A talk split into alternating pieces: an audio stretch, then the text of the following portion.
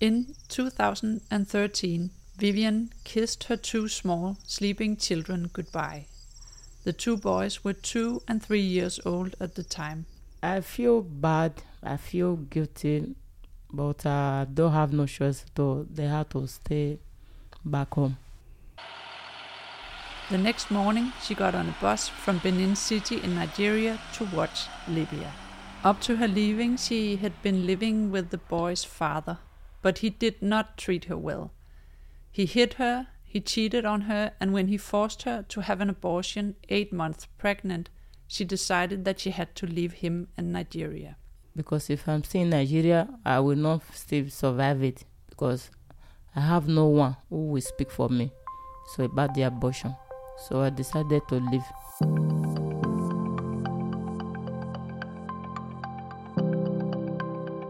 Now it's been 10 years since Vivian left her children with their grandmother in Nigeria, and she hasn't seen them since.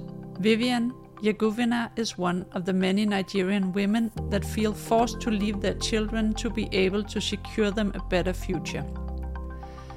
And she's also one of the women that senior researcher Sine Plambech, through her research in women's migration and sex work, has gotten to know well. In today's podcast, we'll hear Vivian's story and talk about how this story is rooted both in global inequality but also in a colonialism that never really let go of it, its grip on the world. And we'll try to get a better understanding of how not just Vivian's story, but the story of all of us is still affected by the colonial legacies. My name is Marie Barse. So, normally the DIIS podcast is reserved for researchers, but today is a bit different since we are really pleased to have Vivian with us here today. Welcome to the DIIS podcast, Vivian. Thank you very much. And Sine Plambech, you're also here. Also, welcome to you. Thank you. Vivian, I would like to start this podcast by talking about a house that your brother is building in your home community in Nigeria. So, whose house is it? It's my house. I'm building it with my for my children. I live at home. You've been paying to have the house built, and you're currently living in Sicily, in Italy, with your eight year old son, Kindis, Yes. who's actually also here in the podcast studio with us today. But he promised, he's waving, and promised to be really quiet. Um, so, Vivian, what's your job in Sicily? Uh, taking care of old women. So before I work in a hotel, I work in a restaurant. So right now, taking care of old women. So, you live with the, this old woman. And, yeah, at take- take. See. and how much are you paid? Uh, the woman pays seven hundred a month. Euro Yeah, a month. seven hundred euro a month.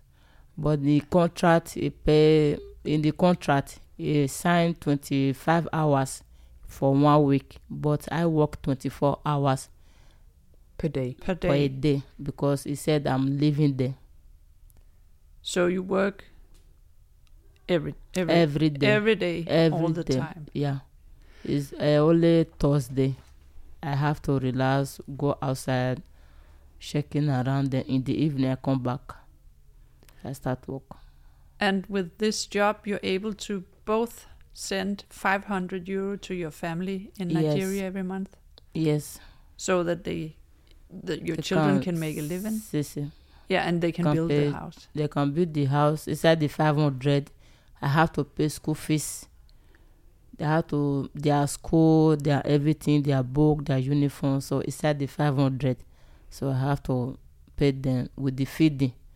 So the remaining money, so they can use it for the house, little bit, small, small. And then you also provide for yourself and your youngest son, Kindis. Yeah. Yeah. And when you decided to leave your husband to work for a better future for yourself and your children, why didn't you just find work in Nigeria? Mm, I'm work. I'm a hairdresser, so I treat hair with people. But it's not still safe for me because the where where I work is my husband's sister that work there. So it's not safe for me for me to be there.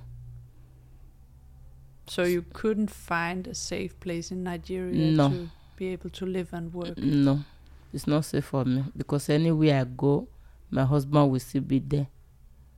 So he could not save. So you decided that you wanted to go to Europe. Yes. Sine, you've just published your new book, Global Sex, that came out on November 17th. And in the book, you write about Vivian's house, but there's also a photo of this smaller house. I have the book here with me now, looking at this smaller house. So I can see a lady sitting outside looking really happy.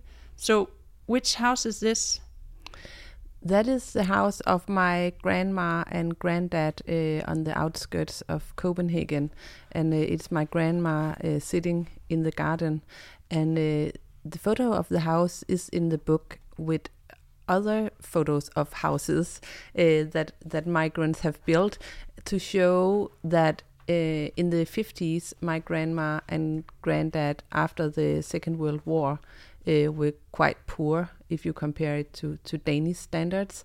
And they decided actually to migrate or travel uh, to uh, southern Africa to earn money uh, in the copper mines. Uh, and my granddad worked uh, 70 hours a week, and then they and my grandma stayed at home, but they were able to save up some money and eventually travel back after nine years to um, Copenhagen and buy this little uh, this little house. And I included in the book not to say that the travel that women and people like Vivian is doing is the same as my grandparents at all. Uh, the very many differences, but I included to say that we in Denmark and in in Europe also have a story uh, of traveling uh, across borders uh, many many years ago when we were poor and were looking for other possibilities. And often building the house is kind of the symbol of a manifestation of the migration.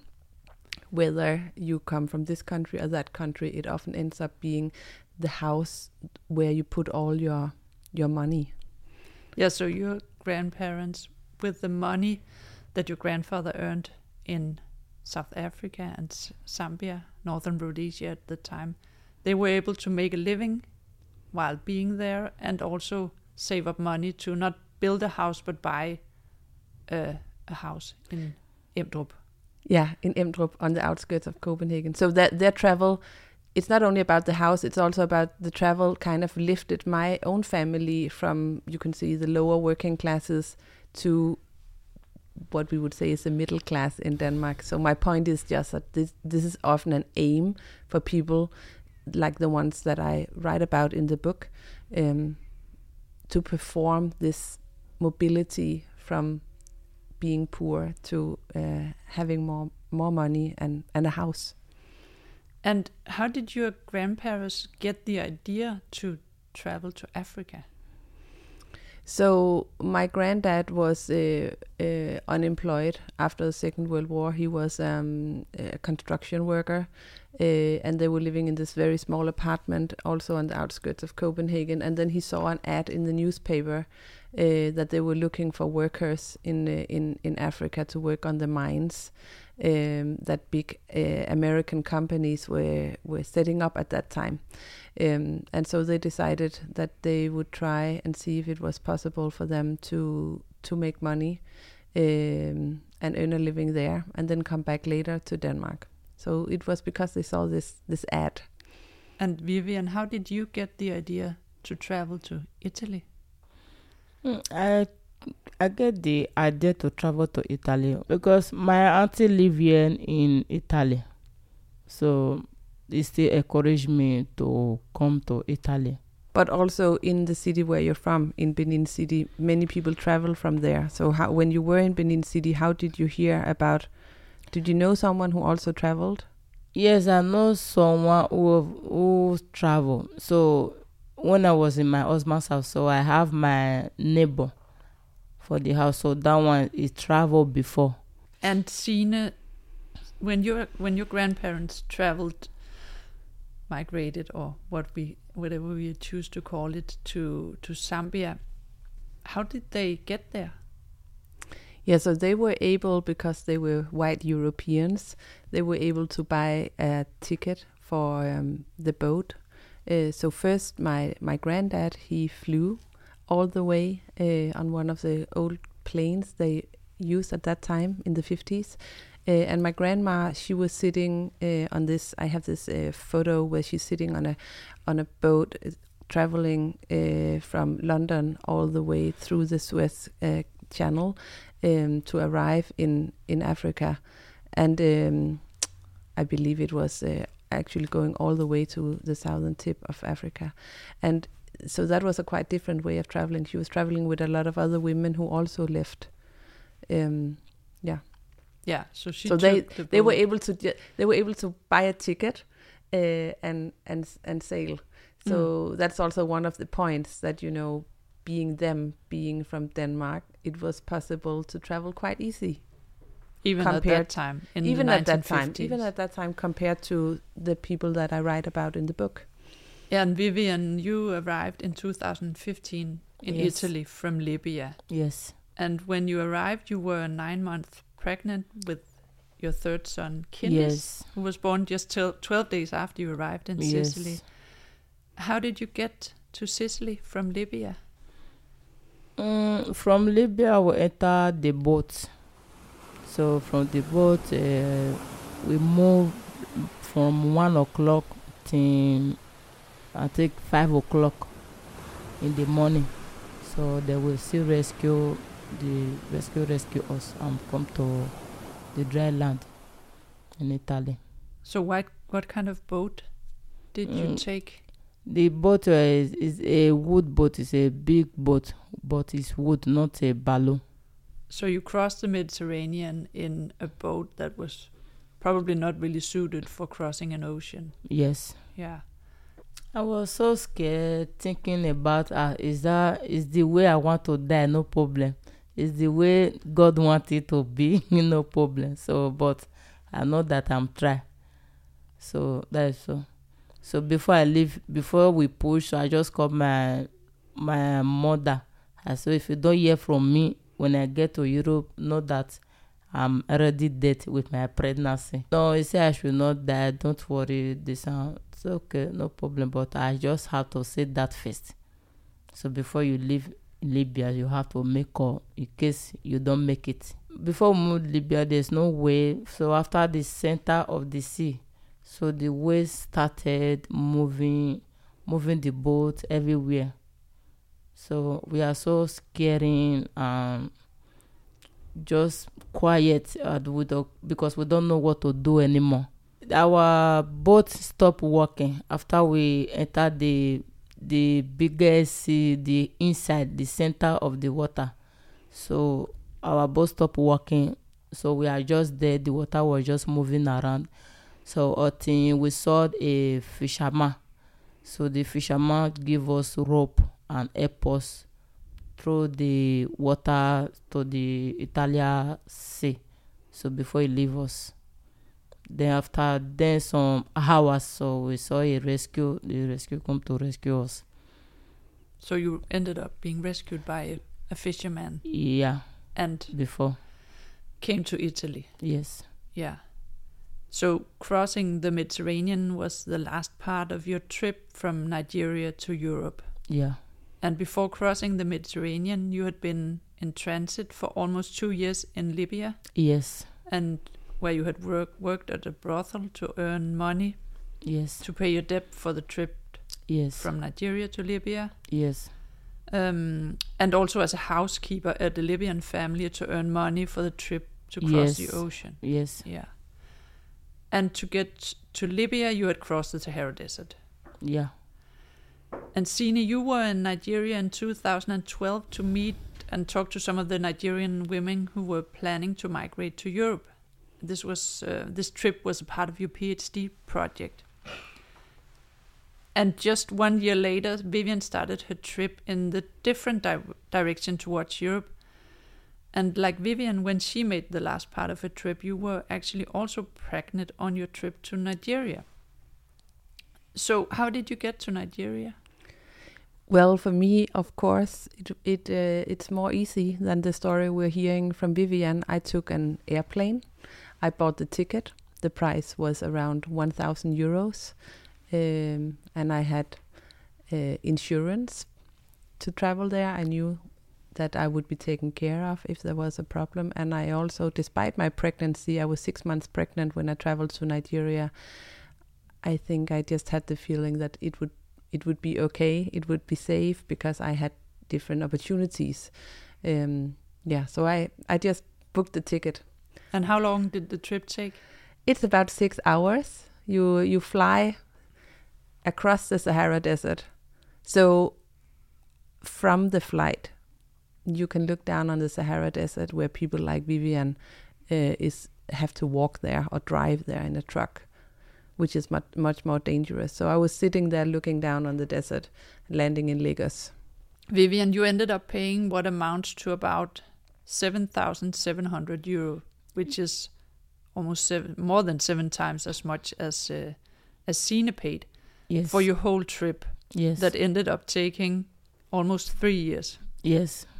Why didn't you just fly like Sine? Before you can even get a flight for the first time, so you have you will also have some money in your account before you can go because when you go to the where you take to if you want to travel, so they will ask you about how much do you have in your account.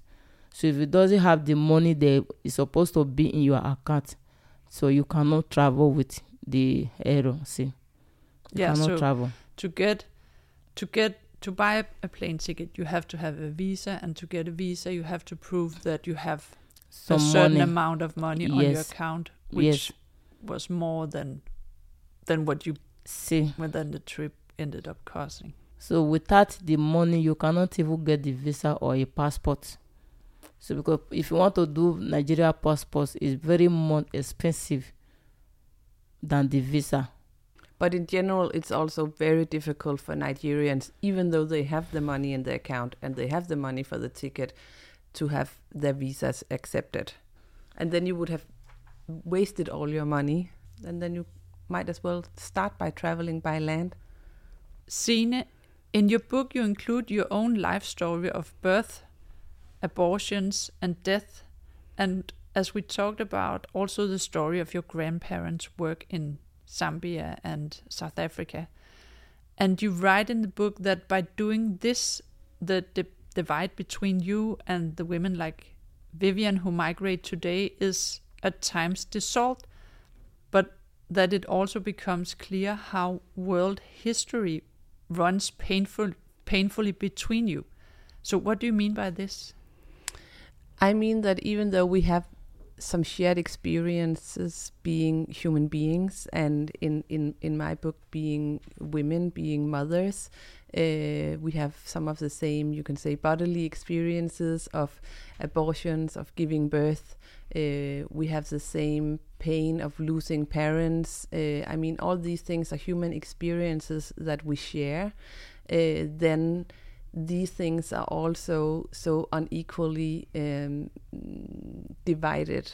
So when I say that history runs painfully between us, is that even though we have these shared experiences, it is my grandparents who went there in late as part of late colonialism and earned not a lot. They were very low in the hierarchy of colonialism, but they still earned some money that made it possible for them to buy this house on the outskirts of Copenhagen. Um, so my point is just that even though we have these shared experiences, the difference it makes where we are born defines all different intimate and more structural issues in our lives, even from abortions, even giving birth. Um, all these things are different. So I'm just trying to say, uh, or to forefront, I mean, the book is about the four migrant women and a little bit about me, but I'm using it, you can say, analytically to show uh, what is shared and what is definitely not shared because of racism, um, because of colonialism, because of capitalism, because of all these things that come to define our lives. Vivian, at the moment you work and live legally in Italy, And you just got your work permit Yes. prolonged for two years. Yes, two years. And it's been 10 years since you saw your two children, your two boys, Yes. so in Nigeria. So when do you think you will see them again? Mm, I think I will send them. I'm planning to go home by next year, but if I have the money of the flight to board the ticket, so I will go. And how do you think it'll be to see them again? Mm, I think I think first of all, when I sit there, so I think the tears are because it's been long. So I will just the the tears of joy we just fell out of to my half face because it belong everything. So I'm happy to see them. Even though they they are waiting for me to see them. And do you think you'll someday live in the house that you're building? Yes, when I if I had the job, if I have if I have a better job, if I have a better job, well paid, I think before two years the house will be okay. And you will live there, the Yeah. house in Nigeria, Yes, with your three sons. with my three sons. If I did not marry, so I will live there with them. But if I had married, the children have to stay in the house, leave the house. Or I'm building the house for my children because there's the reason I'm here in Europe. So it's their reason I'm be suffering. So that's the only thing I can offer. Till they can have a place to come home.